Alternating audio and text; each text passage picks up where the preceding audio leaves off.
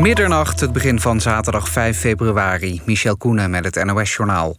Bij een ongeluk met een toeristisch vliegtuigje in Peru zijn volgens lokale media daar drie Nederlanders om het leven gekomen. Het ministerie van Buitenlandse Zaken kan het nieuws nog niet bevestigen, maar heeft contact met de Nederlandse ambassade. De Cessna stortte kort na het opstijgen neer, meldt Peru. Het zou een rondvlucht maken over de beroemde Nazca-lijnen, eeuwenoude tekeningen in het zand die alleen vanuit de lucht te zien zijn. Naast de Nederlanders zijn nog twee toeristen en de piloot en de co-piloot omgekomen. Er komt een verbod op lode leidingen in scholen, huurwoningen en kinderopvangcentra. Het kabinet volgt een advies van de Gezondheidsraad op, meldt minister De Jonge. De raad oordeelde ruim twee jaar geleden dat lood in drinkwater schadelijk is bij dagelijks gebruik, vooral voor baby's en jonge kinderen. Een jaar later riepen de vijf grote steden al op tot een verbod. Wanneer dat verbod ingaat, dat is nog niet bekend. Staatssecretaris Van Rij wil snel nagaan hoe 200.000 gedupeerde spaarders compensatie kunnen krijgen voor de belasting die ze te veel hebben betaald voor spaargeld of ander vermogen. De Belastingdienst had hun rendement te hoog ingeschat. Van Rij zegt dat hij het komend half jaar de kwestie van de spaartax op een nette manier wil afhandelen. Hoeveel het kabinet de gedupeerde spaarders gaat uitbetalen, dat is nog niet bekend. En in Moerdijk hebben bewoners sinds vanmiddag last van stank. Ze zijn misselijk of kregen hoofdpijn. Volgens de veiligheidsregio is de oorzaak een lekkende put in de haven. Vanavond is al begonnen met het repareren van dat lek. Het weer nog, vooral in het noorden nog wat buien. Het koelt vannacht af tot rond het vriespunt in het zuidoosten. In de rest van het land een graad of drie. Overdag zo goed als droog met geregeld zon. S'avonds dan vooral in het noorden wat regen. Het wordt een graad of 7 en het waait stevig. Dit was het NOS Journaal. NPO, NPO Radio 1. VPRO. Nooit meer slapen.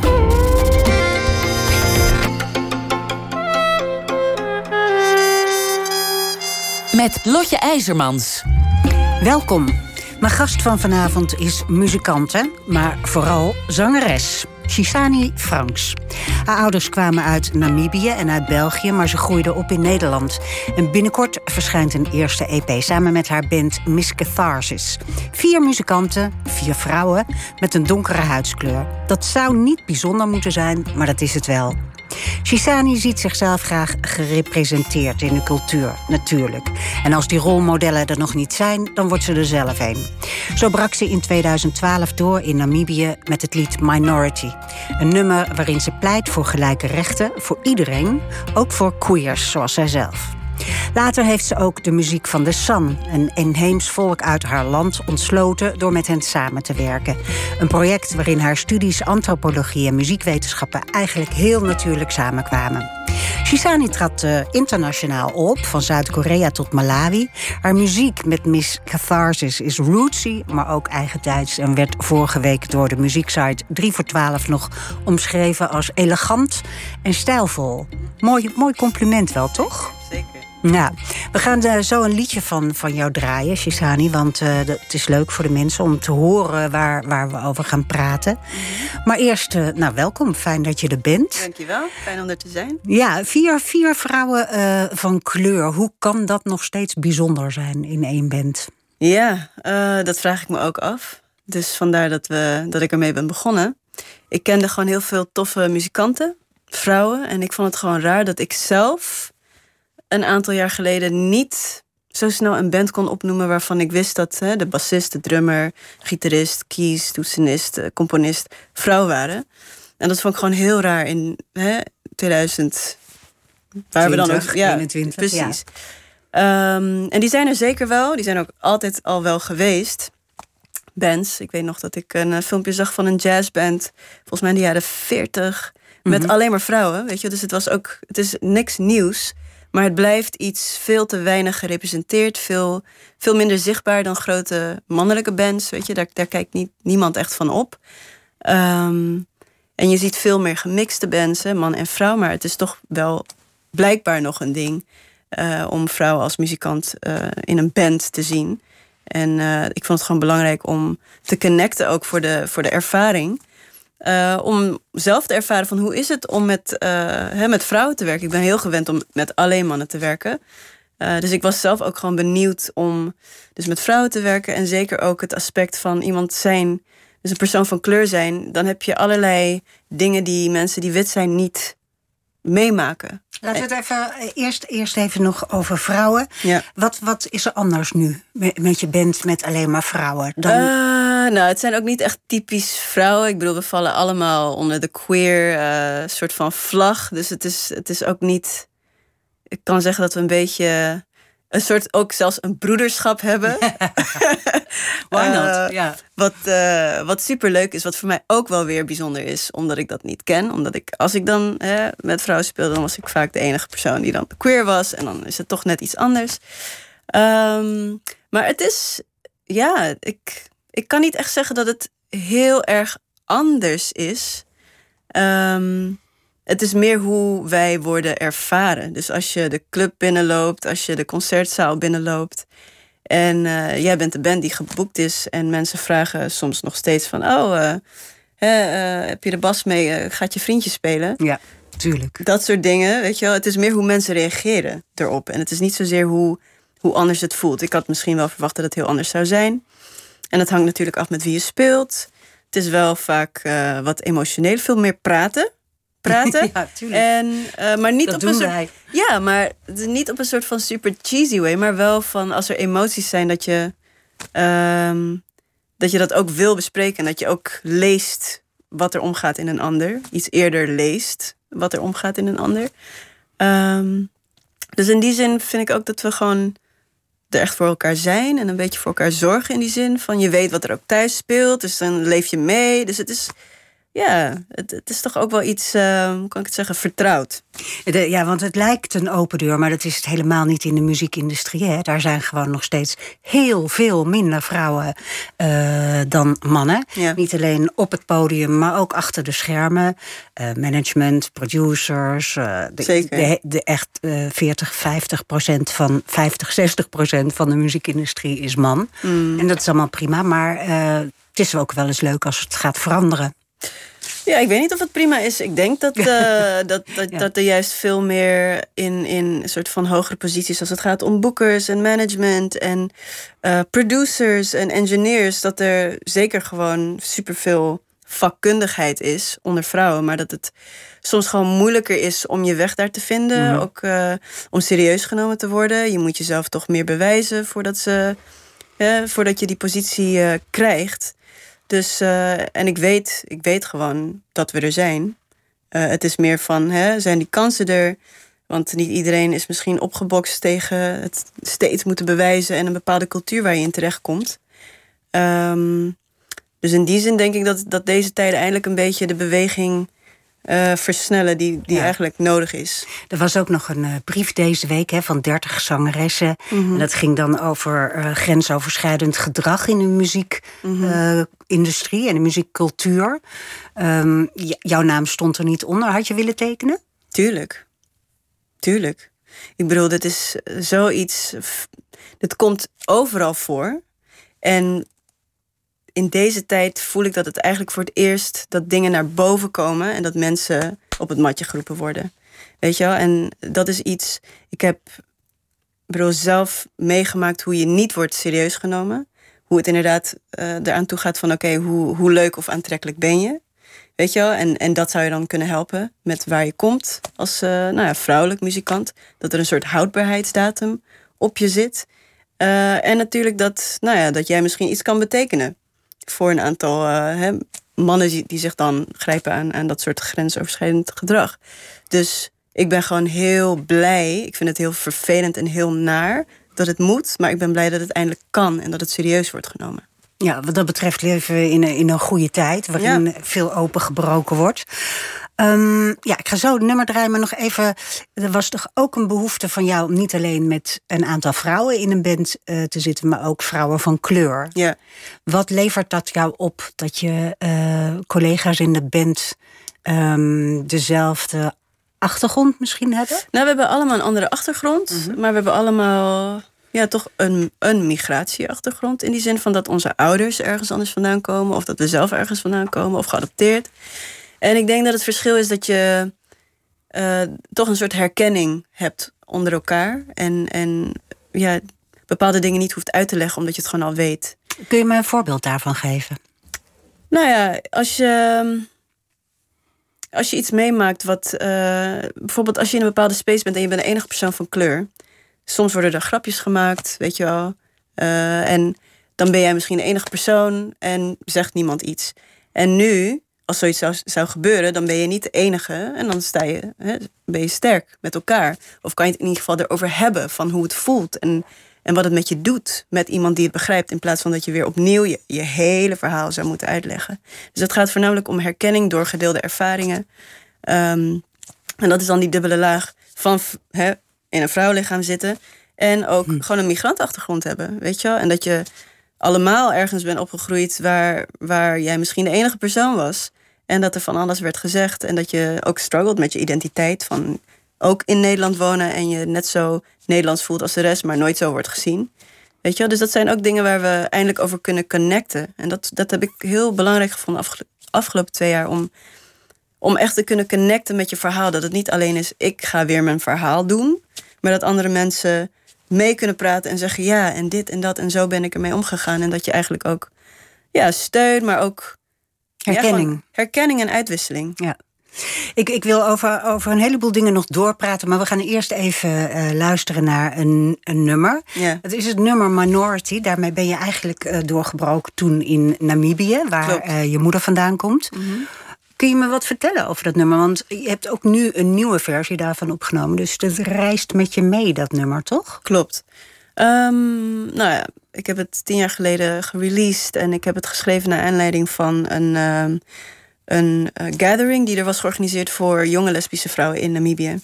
En eh, ik was zo, zo geraakt door alles wat ik daar heb gehoord van hoe, ja, wat mensen doormaken. Weet je? Homoseksualiteit is officieel eh, verboden in, in Namibië, Nou ja, eigenlijk- Strafbaar in ieder geval. Ja, eigenlijk tussen twee mannen. Vrouwen staan niet eens in de wet, want Oh. die zijn zo onzichtbaar. Dus Ja. blijkbaar bestond dat niet. Ehm, maar in die zin is het dus nog op papier strafbaar. Eh, maar momenteel is er zo'n sterke lobby- en actiegroep voor LGBTIQ rights. En het is eigenlijk ook gewoon mijn trots van wat er die afgelopen tien jaar eigenlijk gebeurd is en in beweging is gekomen en de zichtbaarheid en dat we nu in de rechtbanken zitten om, om eh, rechtvaardigheid eigenlijk te claimen voor alles wat er gebeurt tegen onze community. Dat ik dit nummer eigenlijk gewoon meeneem, omdat het een van de verhalen is waarvan ik vind van ja, eh, dit, dit speelt overal nog. Maar dit nummer, dat, dat zong jij dus eh, eh, negen jaar geleden daar. Ja. Wa- was het toen riskant om dat te zingen? Ik vond het super spannend. Het is het eerste nummer wat ik eigenlijk live op tv heb gezongen. En dat gewoon zonder dat ik door had, in één keer op alle radio's werd gedraaid. En mensen gingen een beetje praten. En mensen die naar mijn concert kwamen, die, die wisten dan van... oh ja, she's queer. Omdat ik het erover heb. Omdat ik wil dat mensen gewoon zien dat mensen mensen zijn. Ongeacht van eh, je geaardheid of je genderidentiteit enzovoort. En ja, dat was, niet, dat was nou niet iets wat je eigenlijk zou delen met mensen. You- don't, ask, don't tell. Maar ik wist gewoon, omdat ik ook een beetje die tussenpositie heb als insider en outsider, omdat ik ook tussen Nederland en Namibië leef. eh, en een hele, ehm, hoe zeg ik dat? Eh, dat mijn moeder gewoon heel, heel echt achter me stond, no matter what. Dus ik dacht, als ik niet met deze positie die ik heb, als ik het hier niet over kan hebben, wie dan wel? En ik heb gewoon gemerkt wat muziek kan doen en losmaken in andere mensen. En hoe dit nummer vooral veel jonge meiden heeft, eh, ja, een soort van veiligheid heeft geboden. En dat ze dan maar met mij gingen praten over eh, waar ze doorheen gingen en hun coming out deden. Omdat ze wisten dat, dat ik dan queer was, omdat ik op het nieuws was en, en op tv en op de radio en zo. Dus ik merkte gewoon van wauw, hoe belangrijk het is om zichtbaar te zijn. En vandaar dat ik dus steeds hetzelfde verhaal blijf vertellen en zingen overal waar het gaat. Eh, en eigenlijk gewoon wilde vieren ook van wat, wat het eigenlijk teweeg heeft gebracht. En eh, natuurlijk ook de lange weg die we nog te gaan hebben. Eh, maar eigenlijk ook een celebration van, van, van, van de movement die er nu is. En wat de jeugd nu allemaal gedaan krijgt. Het is echt ongelooflijk. Het is ondenkbaar om te denken dat we in de rechtbank zouden zitten met eh, hè, proberen dat, dat eh, twee mannen hun kind zouden kunnen legaliseren in Namibië. Of dat een transvrouw die is belaagd door een politieman eigenlijk een, een rechtszaak wint. Dat was ondenkbaar. En nu gebeurt het dus. Dus vandaar dat het voor mij gewoon heel belangrijk is om. En voel jij, daar voel jij je ook echt deel van? Absoluut, Ja. absoluut. Want ja, ik weet hoe het was. Ik bedoel, je ging niet openlijk afspreken met je vrienden die dan. Hè, eh, als je queer was, je ging eigenlijk naar iemands huis waar het veilig was, weet je, om jezelf te kunnen zijn. En dat is langzaam een beetje gaan veranderen tot de eerste pink parties die er in Namibië waren. Tot eh, de pride walks die steeds groter werden. Eh, maar het was echt, dit is iets wat je niet zou delen, want je zou je baan kwijt kunnen raken. Je wordt uit je familie gezet, je wordt belaagd, je wordt aangevallen. Dat gebeurt nog steeds.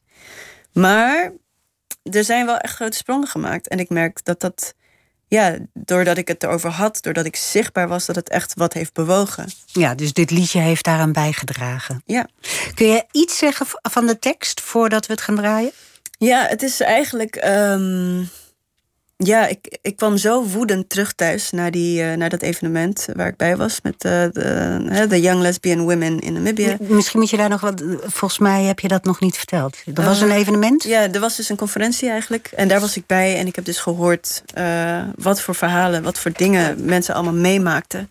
En dat nam ik mee naar huis. En eigenlijk in die woede heb ik dit nummer gewoon in één, in één rits geschreven. Ehm, en het gaat er eigenlijk gewoon om van wie ben jij om te vertellen dat ik er mag zijn, weet je wel? En dat ik niet een gelijke ben, omdat ik op vrouwen val in dit geval. Weet je wel? Dus eh, dat heel kort gezegd. You got rules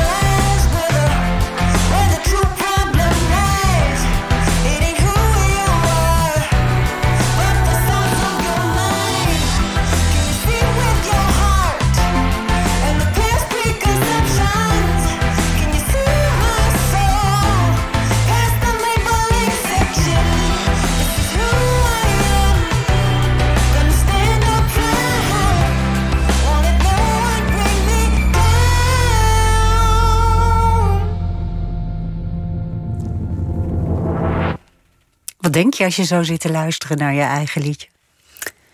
Ik had eigenlijk flashbacks gewoon van, eh, van die tijd dat ik met knikkende knieën eigenlijk eh, het podium op moest en, en, en het nummer ging zingen tot aan de mensen die op me afkwamen achteraf, tot aan dat ik de band gewoon letterlijk zie spelen nu en wat voor kracht ik voel als we dat samen brengen. Ehm, en dus ik zie gewoon een hele reis. Ik zie gewoon echt een soort van tien jaar voorbij vliegen en denk, wauw, what a Ik journey. vind het mooi dat, het, dat je eigenlijk... Ja, iedereen schrijft natuurlijk altijd nieuwe liedjes... maar als een liedje zo dicht bij je staat dat je denkt... nee, ik neem het gewoon mee en ik maak er telkens een andere versie van. Ja, ik, vind, ik ben sowieso dat ik denk van ja, dingen zijn nooit maar één momentopname. Soms, weet je, soms verander je dus ook als muzikant. Heb je andere invloeden, eh, maar blijft het wel een verhaal wat je wil vertellen. En groeit het dus met je mee. Ehm, maar het is ook lastig om te kiezen dat een lied, bijvoorbeeld een, een stuk waar je aan hebt gewerkt, maar één versie mag hebben. Dat vind ik eigenlijk iets heel raars. Ehm, dat is dan ook qua genre en al dat soort dingen van. Ik, ik, ik hou niet van dingen soort van moeten afkaderen van dit is het en niet meer. Ik, ik zie altijd van ruimte dat, dat je Ja. er meer mee kan en dat het gewoon ja, mee kan vloeien in die zin. Dat past natuurlijk ook wel bij het feit dat jij ehm, eh, eh, een, een witte vader en een zwarte moeder hebt. En eh, thuis bent in Namibië en thuis bent in Nederland. Mhm. En je, je bent gewend om op twee benen, met twee benen, ergens Drie benen, want uh, ja, ik ook ging- nog Vlaams. Ja. Ja, nou ja, in, in Nederland was het gewoon een heel andere cultuur dan, dan thuis ook weer. Dus het, het is zeg maar echt een beetje tussen die drie werelden. Dat zou ik eigenlijk thuis noemen. Ja. Hoe, hoe, eh, je bent geboren in Namibië. Mhm. Je hebt daar tot je vijfde gewoond. Kun je daar nog dingen van herinneren? Zeker. Alles, hoe alles eruit ziet, eh, hoe het ruikt, de mensen, Hoe familie. ruikt het? Het is, er zijn gewoon bepaalde planten. Er is een bepaalde droge peperboom die een hele warme, ronde, scherpe soort van. Ja, ja, ik weet niet. Je moet het kennen, maar het is gewoon als ik, als ik thuis ben en ik ruik het, dan weet ik, oké, ik ben er. Ehm, ja, het is, het, is, het is ook een soort van droogte en de dust. En als het dan eindelijk regent, is het een geur waar je gewoon ja, ik weet niet. Het doet iets met je ziel gewoon. Als het, eh, omdat het daar zo droog is. Maar ik herinner gewoon heel veel zintuigelijke dingen. Ehm, ja, en, en voorna- voornamelijk familie, maar zeker ook gewoon hoe het voelde. Want er was heel veel ruimte. Was altijd zon. Weet je wel, dus ehm, dat is ook iets wat ik altijd heb gemist toen ik naar Nederland verhuisde. Nou, want waarom kwamen jullie in Nederland terecht? Ik bedoel, je vader was een Vlaming. Klopt. Eh, ja, ik denk dat hij gewoon een goede baan vond in, in het buurland Nederland dus. Eh, en ik denk dat het na onafhankelijkheid van Namibië, wat pas in 1990 was, eh, van Zuid-Afrika dus, en dus ook van apartheid, dat het ook een beetje een rumoerige tijd was. Van, mensen wisten niet hoe het om zou slaan, politiek gezien. En het was natuurlijk een gemixte familie. En, eh, was dat, dat het feit dat het een gemengd huwelijk was, was dat maakte dat, dat jullie meer gevaar liepen? Ja, ik denk dat er. Kijk, als je uitgesproken bent, zoals mijn vader in die tijd ook zeker wel was. En ik denk dat er ook gewoon heel veel soort van politieke. Soort van onderstromingen lagen met wie waar had gezeten met de oppositie en dat soort dingen. Tijdens zo'n onafhankelijkheidsoorlog gebeurt er gewoon heel veel. Er zijn ook gewoon heel veel familiebanden en iedereen kent iedereen. En lag het gewoon heel complex. En op dat moment was het eigenlijk beter om dan naar Europa te komen. En eh, ik denk dat het eigenlijk toevalligerwijs dat we dan in Nederland terecht zijn gekomen eh, voor mijn vaders werk. Ja, want ehm, eh, Namibië, ja, de geschiedenis van Namibië, ik, ik kende hem niet. Ik heb me er een beetje in verdiept de laatste dagen, maar het is een, een afschuwelijke geschiedenis eigenlijk. Ja. Vooral in, in het begin van de 20e eeuw, toen het een Duitse kolonie was. Ik wist daar helemaal niets van. Ja. ja, en dat heb ik eigenlijk mijn hele leven meegemaakt. Hè, Namibië, waar ligt dat? En dan vervolgens weet ook niemand dat we daar allemaal Afrikaans praten. Dus dat er ook gewoon een, een Nederlandse heritage daar is. Ehm, Er zaten Nederlanders, eh, Engelsen, Portugezen, uiteindelijk dus de Duitsers. nou ja, de Duitsers kwamen eigenlijk eh, na de Portugezen en na dus de genocide op de Herero en Nama mensen. Ja, dat moet je even vertellen, want Ja. dat weet ook niemand. Ja, dus eh, nou, de Duitsers die zijn Namibië binnengevallen. En er waren twee stammen die eigenlijk de oorlog uitriepen tegen de Duitsers. voor hun eigen onafhankelijkheid. En dat waren de Herero en de Nama mensen. En daarvan hebben ze nou, 80% uitgeroeid. En hebben ze ook de eerste concentratiekampen Precies, gehad. het was eigenlijk een oefening voor de, voor de holocaust. Precies, en de kennis, tussen haakjes, wat ze daar hebben opgedaan. eh, en de gruwelijke menselijke experimenten die ze daar hebben gedaan. eh, dat hebben ze eigenlijk ook weer verder doorgevoerd ehm, op de Joodse bevolking, de Roma en de queers hier in Europa. En dat is iets wat, eh, wat niemand weet, en dat het dus de eerste genocide is geweest van de 20e eeuw. Ja, ook officieel hè, door Ja. de Verenigde Naties zo aangemerkt. Ja, Ik, ik begreep dat Duitsland nu eh, een soort herstelbetaling doet van 1,1 miljard, maar dat het niet zo mag heten. ja. ja ik weet niet wat de, de ins en outs zijn op dit moment. Ik weet dat het heel moeilijk ligt, omdat er natuurlijk heel veel verschillende eh, groeperingen, bevolkingsgroepen in Namibië wonen. En zij zijn niet, de- dus de Herero en Nama waren eigenlijk het aangevallen omdat ze in oorlog kwamen. Maar iedereen heeft eronder geleden. Dus dan is het heel moeilijk om te bedenken wie krijgt dan het geld. Alleen de, de nabestaanden van de Herero en de Nama of alle mensen. Ik begreep dat dat geld naar, eh, naar het land gaat de komende 30 jaar. Ja, en Ja. gaat het dan ook naar de mensen? Dat is altijd de Ja. vraag. Dus, eh, maar ja, dus na de Duitsers kwamen eigenlijk de Afrikaners. En hebben we apartheid gehad tot 1990. Dus bedenk dat het pas ongeveer 30 jaar geleden is dat we uit apartheid zijn gestapt. Namibië was het laatst gedecoloniseerde land in Afrika. Ehm, dus er zijn heel veel dingen die mensen eh, nog niet weten waar we het nu eigenlijk over hebben. Ehm, mijn generatie mensen, dertigers, zijn eigenlijk bezig met het ook vinden van je identiteit. Omdat onze ouders gewoon bezig waren met overleven. Eh, en dat wij eigenlijk de eerste generatie vrijheid kennen. Weet je wel? Dus eh, dat, dat geeft mij, en ik weet ook gewoon mijn collega en tijdsgenoten in Namibië, een soort eh, verantwoordelijkheidsgevoel ook. Dat we die vrijheid eh, inzetten.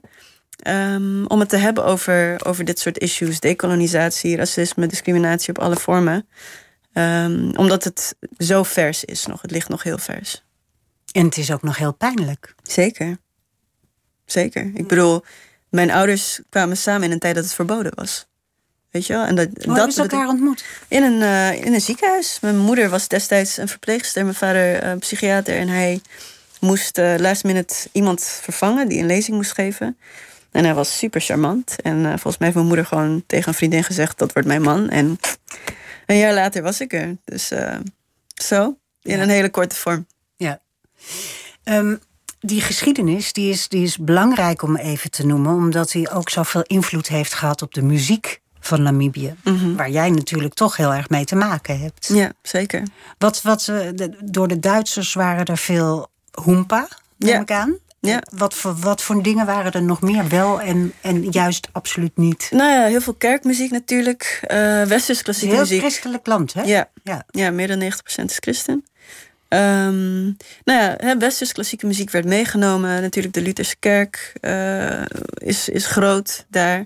Dus church hymns eh, en, en natuurlijk ook de instrumenten. Dus er zijn nog soort van politiekorpsen die met eh, blazersensembles allemaal oud-Europese muziek spelen. Dat is de weirdest thing dat je kan voorstellen. In Afrika, in Ja. Zuidelijk Afrika. Ja. Zeker, dus dat, dat is een, een van de invloeden. Maar er waren ook Fins, Finse missionarissen, dus die hebben ook allemaal kerkmuziek meegenomen. En eigenlijk is in die tijd eh, nou ja, de westerse harmonie gebracht.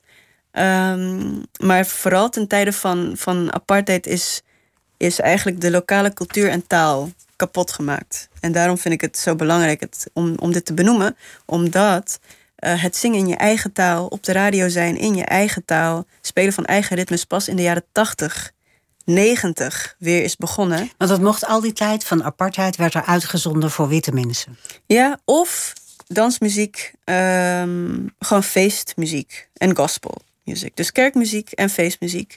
eh, zonder kritische teksten natuurlijk, want dat, dat kon niet. Ehm, Ja, ik begreep dat zoiets als reggae, dat, hè, wat toch heel peaceful en, en loving is, dat dat ook niet mocht. Ja, maar het is niet alleen peaceful and loving. Reggae is absoluut een, een, eh, hoe zeg dat? een protestmuziek. Weet je wel? En dat, dat is natuurlijk niet de boodschap die ze wilden delen. Ehm, dus ja, heel veel lokale instrumenten, ja, stijlen, al dat soort dingen zijn, zijn ook wel weggevaagd eigenlijk. Ja, dus de hele identiteit, culturele identiteit, Precies. is eigenlijk vernietigd. Absoluut. En daarom ehm, vind ik het ook zo belangrijk om Dus met Namibian Tales hebben we echt gekeken. Dat is een, een kwartet die ik in 2015... Ja, met- moeten we nog even uitleggen. Ja, dat, dat precies. weet de luisteraar nog niet. Dus in 2015 eh, heb ik samen met een percussionist die in Amsterdam woont, Shaheen During, eh Namibian Tales opgezet. En dat is een kwartet met cello, met kora, eh, met mij op gitaar en zang en met eh Shaheen op percussie. En het idee was om echt met de traditionele muziek van Namibië ehm, een soort ode te doen aan deze traditionele muziek, omdat het, eh, omdat het eigenlijk wegvaagt. En dat de laatste mensen die het nog kennen, die worden oud. En als ze overlijden, ja, dan gaat de muziek eigenlijk ook weg. Dus dat was de main, hoe zeg je het, het doel Het doel van je, van je van groep. dit Ja. project is om echt te duiken in die tradities, daarvan te leren. eh, ook een eigen twist aan te geven. Want we zijn allemaal muzikanten die in Amsterdam wonen en allerlei verschillende muzikale achtergronden hebben. En dat samen te brengen. Ehm, maar toch in een soort ode naar, Mhm. naar de traditie toe. Was het moeilijk om. om, om eh, er wonen heel veel inheemse groepen, verschillende groepen, Klopt. volken in, in jouw land. Ja. Mhm. Eh, je hebt gekozen voor de San, wat, wat ook wel bekend staat als de bosjesmensen of bosjesmannen zelfs. Mhm. Eh, waarom heb je voor de San gekozen? Ehm, nou ja, het was natuurlijk lastig kiezen. Het eerste idee was, hè, ik wil muziek eh, leren van ehm, ja, met mijn moeders achtergrond. En dat zijn de Awambo mensen. Maar gezien de geschiedenis en ook de onzichtbaarheid van de San... en de San is dan een soort verzamelnaam voor al deze verschillende... eigenlijk hunter-gatherer communities... Ja, jagers en verzamelaars. Precies, die de eerste bewoners waren van Zuidelijk Afrika. En ook de meest gemarginaliseerde mensen in Zuid-Afrika, Botswana en Namibië nu. Dus omdat we dit verhaal eigenlijk zo schrijnend vonden van wat er met hen is gedaan, hoe ze de Kalahari in zijn ge- gedreven, weet je wel, 90% is Kalahari is de grote woestijn. Precies, in Namibië. Ja, ik ga ervan uit dat mensen dit weten. Maar ja, de Kalahari-woestijn in Namibië. Ehm, zeg maar, hun lot is zo... Ja, het is zo schrijnend, de situatie. eh, dat we aan de ene kant daarom ernaar wilden kijken. En dachten, nou, als je ergens moet beginnen, begin bij het begin. En zij waren de eerste die daar waren. Maar tegelijkertijd ook om, om de sociale positie van hen nu te belichten. En in plaats van alleen maar negatief beeld schetsen van... oh, wat zielig zijn deze mensen, ze kunnen niet mee in de moderne realiteit. Ze zijn zo arm. eh, al die negatieve stereotypen wilden we eigenlijk compleet omgooien. Omdat we, toen we daar aankwamen... en dit was dan in 2016 werden we zo weggeblazen door de levenslust, door de passie, de muziek, wat gewoon non-stop doorging. Ehm, dat we dat wilden laten zien. Van hoe krachtig is deze cultuur? Hoe sterk zijn deze mensen dat ze er nog steeds zijn en, en deze muziek eh, nog maken en dat ze nog vasthouden aan wie ze zijn, ondanks Alles wat er gebeurt. is. alles wat er gebeurd is. Maar hoe, hoe ga je te werk? Want ehm, je gaat niet ergens zeggen van... hallo, eh, ik ben Shisani en ik wil met jullie muziek maken. Ofwel. Ja, ging het zo?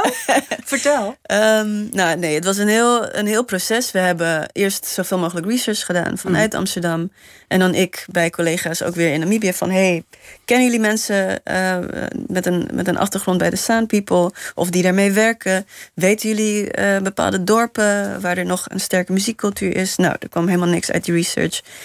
Eh, telefoonnummers deden het niet, weet je. Dus er was maar één manier en dat betekende de Jeep in... Maar voor die tijd moesten we dus een grote aanvraag schrijven, want al die dingen kosten heel veel geld natuurlijk. En dat hebben we gedaan. En we hebben, ehm, ik heb een partnership eh, gesloten met de Namibian Museums Association. Nou, daarmee geld aangevraagd bij UNESCO. En vervolgens eh, hebben we, zijn we gewoon de jeep ingegaan. Vanuit Windhoek, de hoofdstad van Namibië, naar Tsumkwe gereden. Eh, 800, meter, eh, 800 800 kilometer de woestijn in. En daar eigenlijk van dorp naar dorp gegaan. eh, met de vraag van... eh, hè, we zijn heel benieuwd naar de muziek die er wordt gemaakt. En zelf onze instrumenten mee om te laten zien van... wij zijn muzikanten, dit is wat wij doen. Nou, laten zien wat wij doen en spelen voor ze.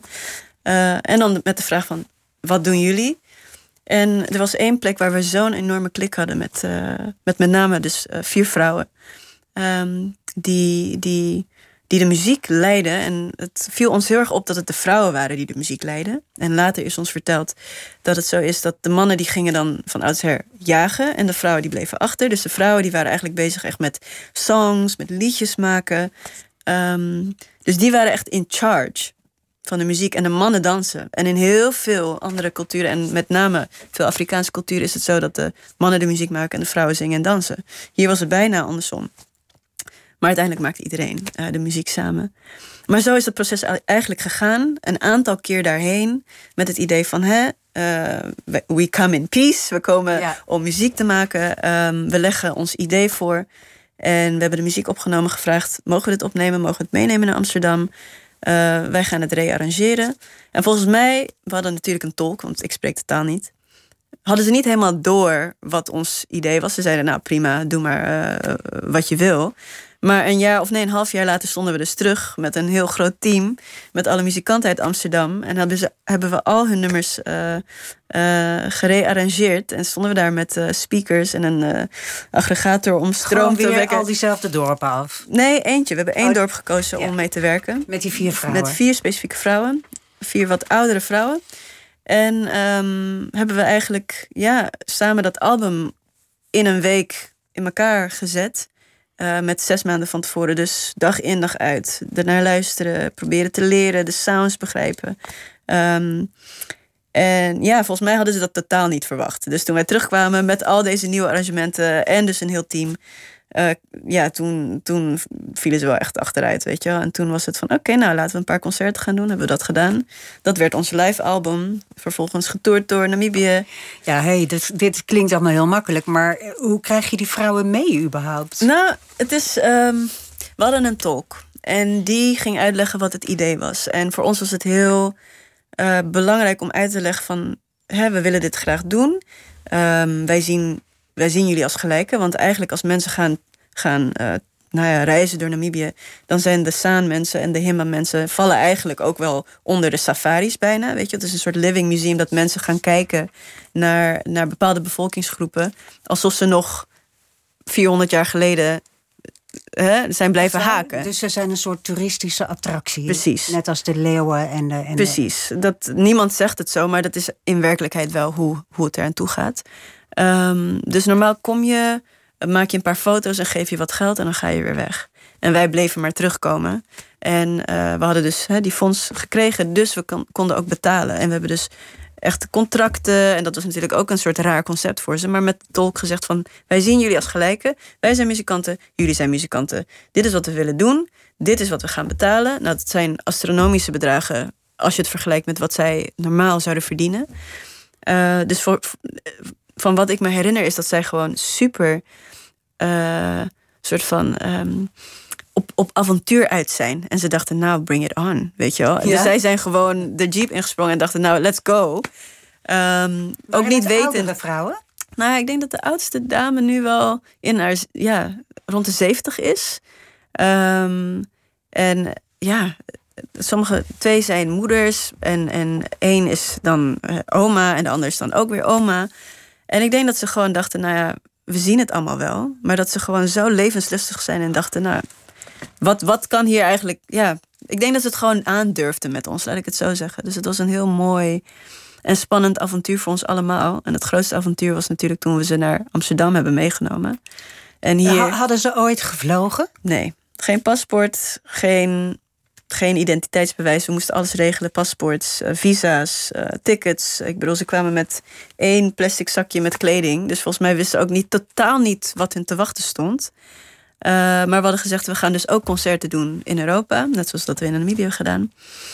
En ehm, ja, vervolgens, weet je, dan sta je in een uitverkocht bimhuis en staat iedereen te schreeuwen en uit een dak te gaan op je muziek. Dat moet, dat moet iets zijn geweest voor hun ook. Eh, gezien hun positie in Namibië, waar ze niet, bijna niet eens als mensen worden gezien en ook zo worden behandeld. En dan kom je hier en dan is er zoveel aandacht voor, voor, ja, voor je muziek, cultuur. Voor, hè, mensen zijn geïnteresseerd. Dus het was een hele belangrijke en emotionele reis voor iedereen. Een enorme erkenning Ja, voor hun. absoluut. En terecht ook. Ja. Wat, wat heb je. Want ik neem aan dat, dat eh, hun traditionele muziek heel anders is dan onze westerse muziek. Absoluut. Jij bent muziekwetenschapper. Mhm. Waar zitten die grote verschillen in? Nou, het is, ehm, heel veel van de muziek is vocaal. Hè, dus eh, de stemmen zijn het eigenlijk het belangrijkste. Je hebt allemaal verschillende vocale lijnen. eh, die niet per se woorden gebruiken, maar klanken. Hè, dus wij zijn gewend aan, aan, aan tekst. En zij, zij gebruiken klanken ook als symbolische dingen die dan refereren naar, ik zeg maar wat, we gaan nu de watermeloenen eh, rapen s'nachts. Dat, dat kan allemaal in een song zitten zonder dat wij de woorden daarvan horen. Dus dat is één ding. Ehm, eh, ja, polyfonisch. Dus je hebt allemaal verschillende lijnen die door elkaar heen zijn. Ehm, het is niet zoals soort van de westerse harmonie die wij kennen. Nee, dat is grappig, want ik heb, ik heb de plaat eh, beluisterd. Ja. En dan hoor je ook dingen waarvan je denkt... hé, hey, dit is vals. Of dit is anders in ieder Precies. geval. Dus ook gewoon ja, klankbesef en wat, wat je esthetisch mooi vindt. Mhm. Dus ehm, daar, daar is zeg maar wat, wat mooi is, is dat iedereen meedoet en dat de energie er is. Ja. Weet je wel? En hier is het dat je precies op de juiste toon Precies. zit. Of dus- harmonie. ja. Precies, en soms kan die toon ook, weet je, in één keer een toon hoger of lager, omdat, eh, omdat iedereen zo meeschuift tijdens het zingen. Ehm, maar dat is voor mij gewoon een soort van totaal ander concept van er is geen verschil tussen performer en, en publiek. Iedereen doet gewoon mee. Weet je wel? In, Dus, in, in hun cultuur. Precies. Ja. Ehm, en het heeft ook, weet je, func- of het is gewoon voor de leuk, gewoon samen spelen en lol maken.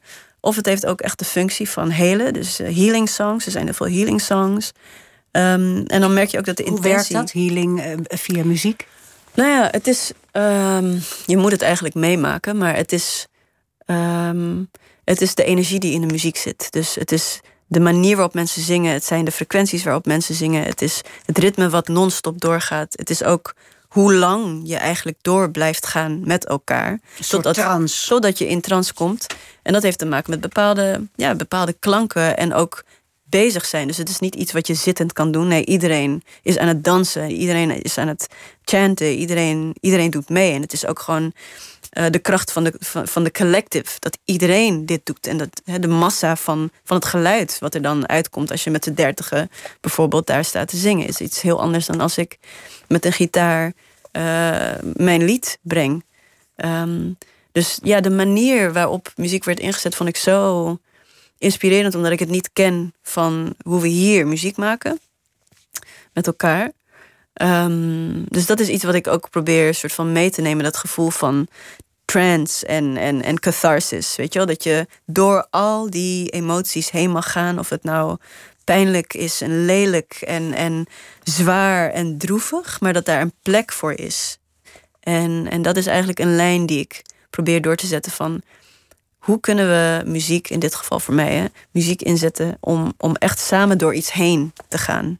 Om er eigenlijk lichter uit te komen. Ja, dus dat is eh, heel erg wat je van deze vier vrouwen hebt geleerd. En van, van die hele reis door, door de woestijn en bij al die eh, gemeenschapjes aan te kloppen. Hebben zij ook iets van jou geleerd? Ik denk dat het belangrijkste wat ze hebben geleerd is ehm, echt de uitwisseling dat wij ze zien als gelijken. Omdat we hen hiermee naartoe hebben gebracht. Ja. Ze hebben onze families gezien, onze vrienden meegemaakt. We aten hetzelfde eten. We sliepen in dezelfde plekken. Eh, en er is zo'n scheiding ehm, in de realiteit in Namibië als het hierop aankomt.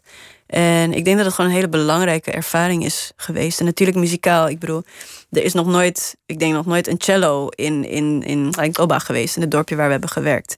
Weet je, of een kora en, en, en allemaal eh, effectenpedalen voor mijn Ja. gitaar. Weet je, dus Ja. eh, qua sound hebben ze natuurlijk superveel geleerd. En we hebben allemaal dingen toegevoegd ook aan, aan hun ehm, liederen. Dus in die zin hebben ze muzikaal ook geleerd van ons. Ehm, net zoals wij dus de songs van hem hebben geleerd.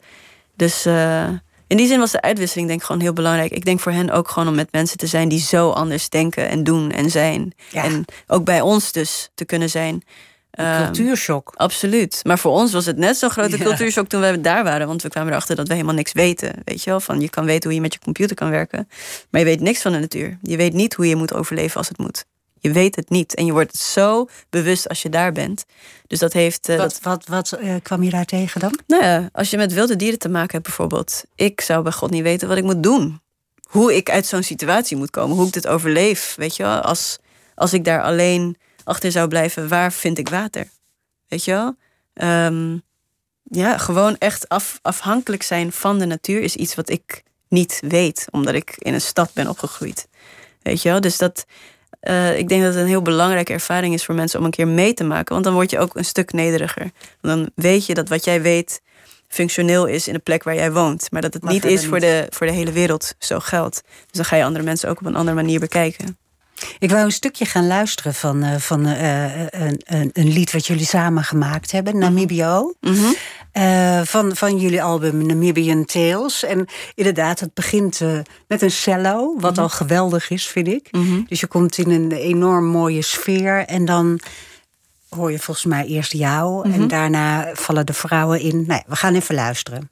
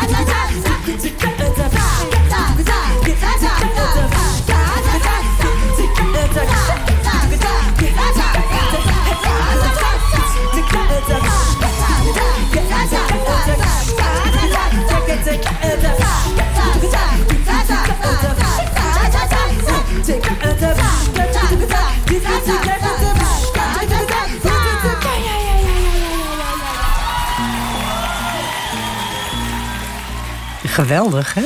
Ja, wauw. Ja, dat was he- dus ook een live ander ritme, toch? Ja, totaal. Dit is een 13-8. Eh, maar ja, goed. ik ga- 13 achtste maat. Ja. Ja, En wij gebruiken altijd een driekwart of een vierkwart. precies, precies, Ja. precies, precies. Maar dat was dus wat we, wat we hebben ontdekt van heel veel van de songs waren gewoon totaal andere maatsoorten waar we gewoon helemaal niks van afwisten. Weet je, dat was heel, ehm, kan ik het zeggen? Dat je echt verbaasd bent van wow, dit is gewoon wat ze doen en dit is gewoon een liedje voor ze. Terwijl je hier zou denken super complex jazz rhythm in 13-8, weet je wel. Eh, en dat is daar gewoon een van de songs. Ja. Dus het was fantastisch en heel veel van geleerd ook. Je, je zei net al iets over ehm catharsis. Je, je, hebt, je bent niet voor niks eh Miss Catharsis genoemd. Een emotionele zuivering hè, in Ja. catharsis. Eh, kun je daar iets meer over vertellen? Je stipte het net al aan, maar waarvan? Ja, nou van allerlei zaken. We hebben het eh, begin van de uitzending gehad over nou, de positie van de vrouw in bijvoorbeeld de muziekindustrie. Ehm, en dan ook als persoon van kleur, als queer zijnde, weet je, je gaat door allemaal dingen heen. Eh, we leven nou niet in een perfecte wereld, helaas, waar je gewoon wel te maken hebt met racisme, met seksisme, met homofobie, met allerlei, ehm, met allerlei zaken. Ehm, en soms ga je daar doorheen in je eentje, soms met mensen die hetzelfde kennen. Uh, maar ik zie het gewoon eigenlijk als een soort collectief probleem, waar we collectief iets aan kunnen doen. En het eerste is gewoon het benoemen, de ruimte geven om het over dit soort onderwerpen te hebben. Uh, naast alle prachtige dingen die er zijn in de wereld, liefde en hoop en al dat soort dingen, het mag er zijn. Um, dus dat is eigenlijk wat ik met de band wilde creëren. Van een, ik wilde een ruimte creëren waar, waarin we en hoop en liefde en al die dingen kunnen aanstippen, maar ook al die moeilijke onderwerpen van uitsluiting enzovoort.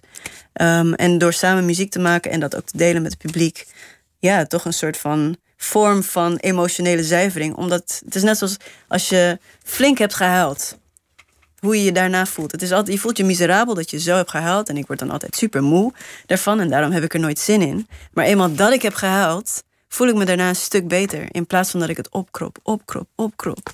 Dus dat is eigenlijk het hele idee van alle dingen die er zijn. Um, ja, dat mag eruit. En het is ook een groot stereotype van de angry black woman, weet je wel? Enorm dus, stereotype. En ja. denk je dat het... Het is niet voor niks. Het is door de eeuwen van onderdrukking en onzichtbaar zijn. En onzichtbaar gehouden worden. En het geweld. En dat je dan, als je dat wil aanstippen, ben je de angry black woman. Well, then we're gonna create a space where you can be as angry as you want to be. Um, en dan is dan ook niet van, hè, dit is nou een band met allemaal boze mensen.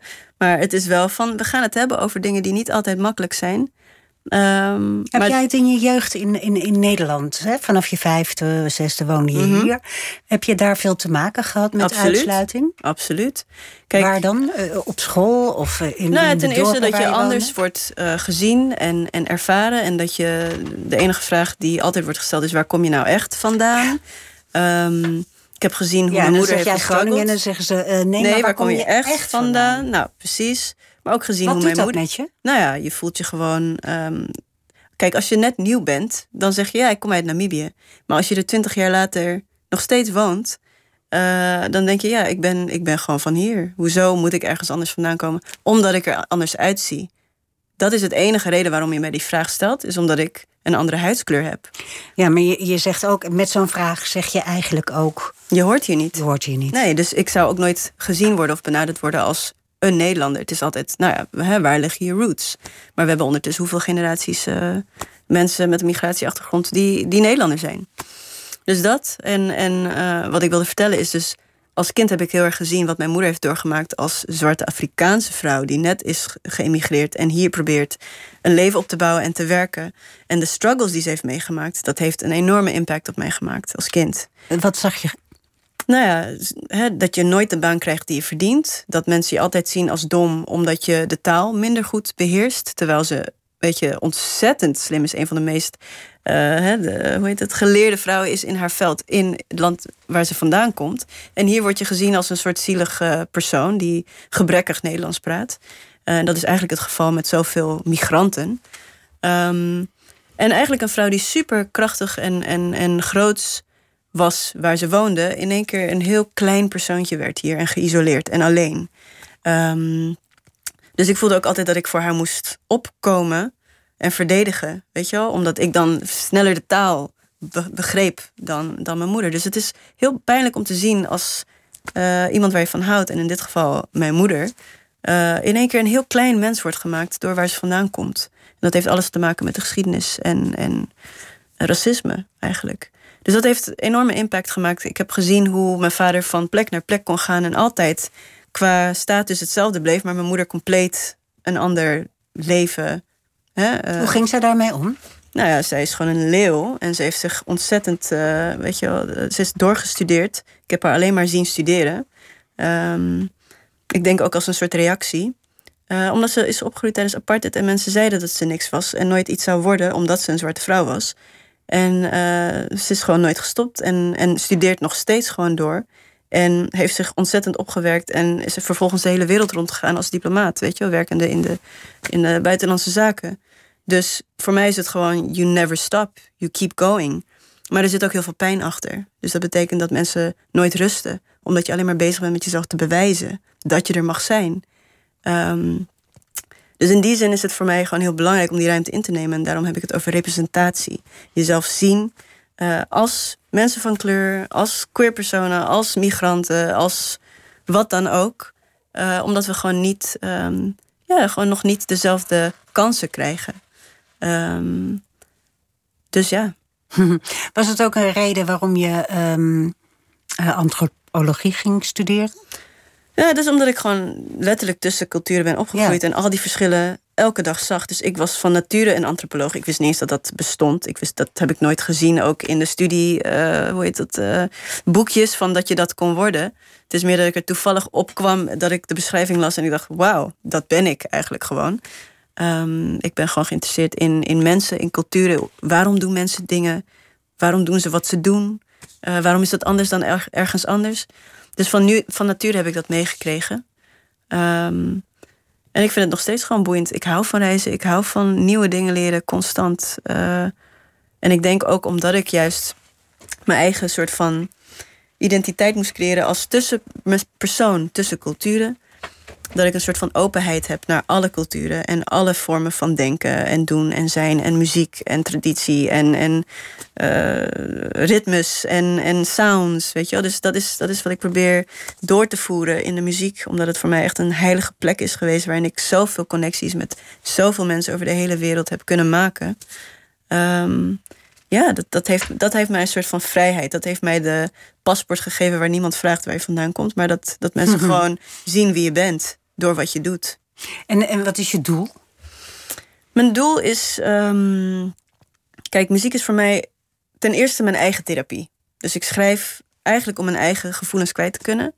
En nu dat het ook mijn werk is, is het voor mij een manier van verbinden.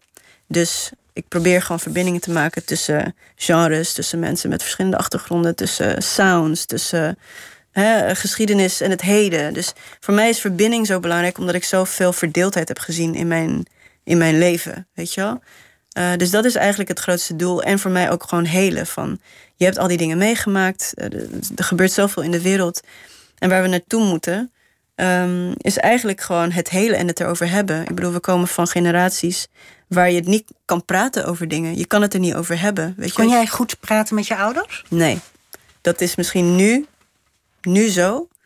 Eh, maar dat was thuis, waren er ontzettend veel taboes. Weet je? En het was ook gewoon En hard werken. was dat, denk je? Dat is gewoon cultureel zo gezien. Niet elke familie kan je het hebben over dingen. Ik was zo gechoqueerd door waar Nederlandse kinderen het over, over konden hebben met hun ouders. Ik bedoel, het was ondenkbaar dat je het kon hebben over nou ja, een vriendje en seks en dit en dat. Het was gewoon, daar heb je het thuis niet over.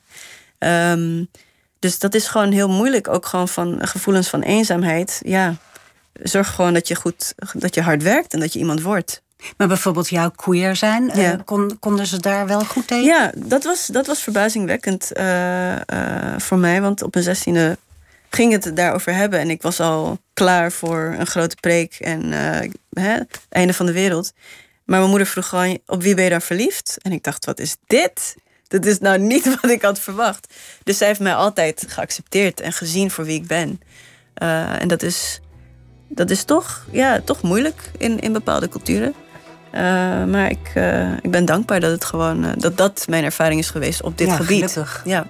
En, en ik, ik hoop dat de hele wereld jou gaat zien. Want je bent een indrukwekkende vrouw. We hebben het nog niet eens gehad over het feit dat je in de eredivisie gebasketbald hebt. Ook nog. zo. Ehm, hartelijk dank voor je komst, Shisani Franks. Ehm, de EP van Miss Catharsis verschijnt binnenkort. En je kan ze ook live gaan bekijken. 30 maart, in eh, Utrecht, in Tivoli Vredenburg. En en 31 maart in Paradiso in Amsterdam. Aanstaande maandag praat Pieter van der Wielen met Lauren Verster. U kunt deze aflevering terugluisteren, dus abonneer je op onze podcast. Zo direct op deze zender uh, Vincent Bijlo, Micha Blok, Stam Putman en een gast in het programma Vink. NPO Radio 1. Wie luistert, weet meer. NPO Radio 1.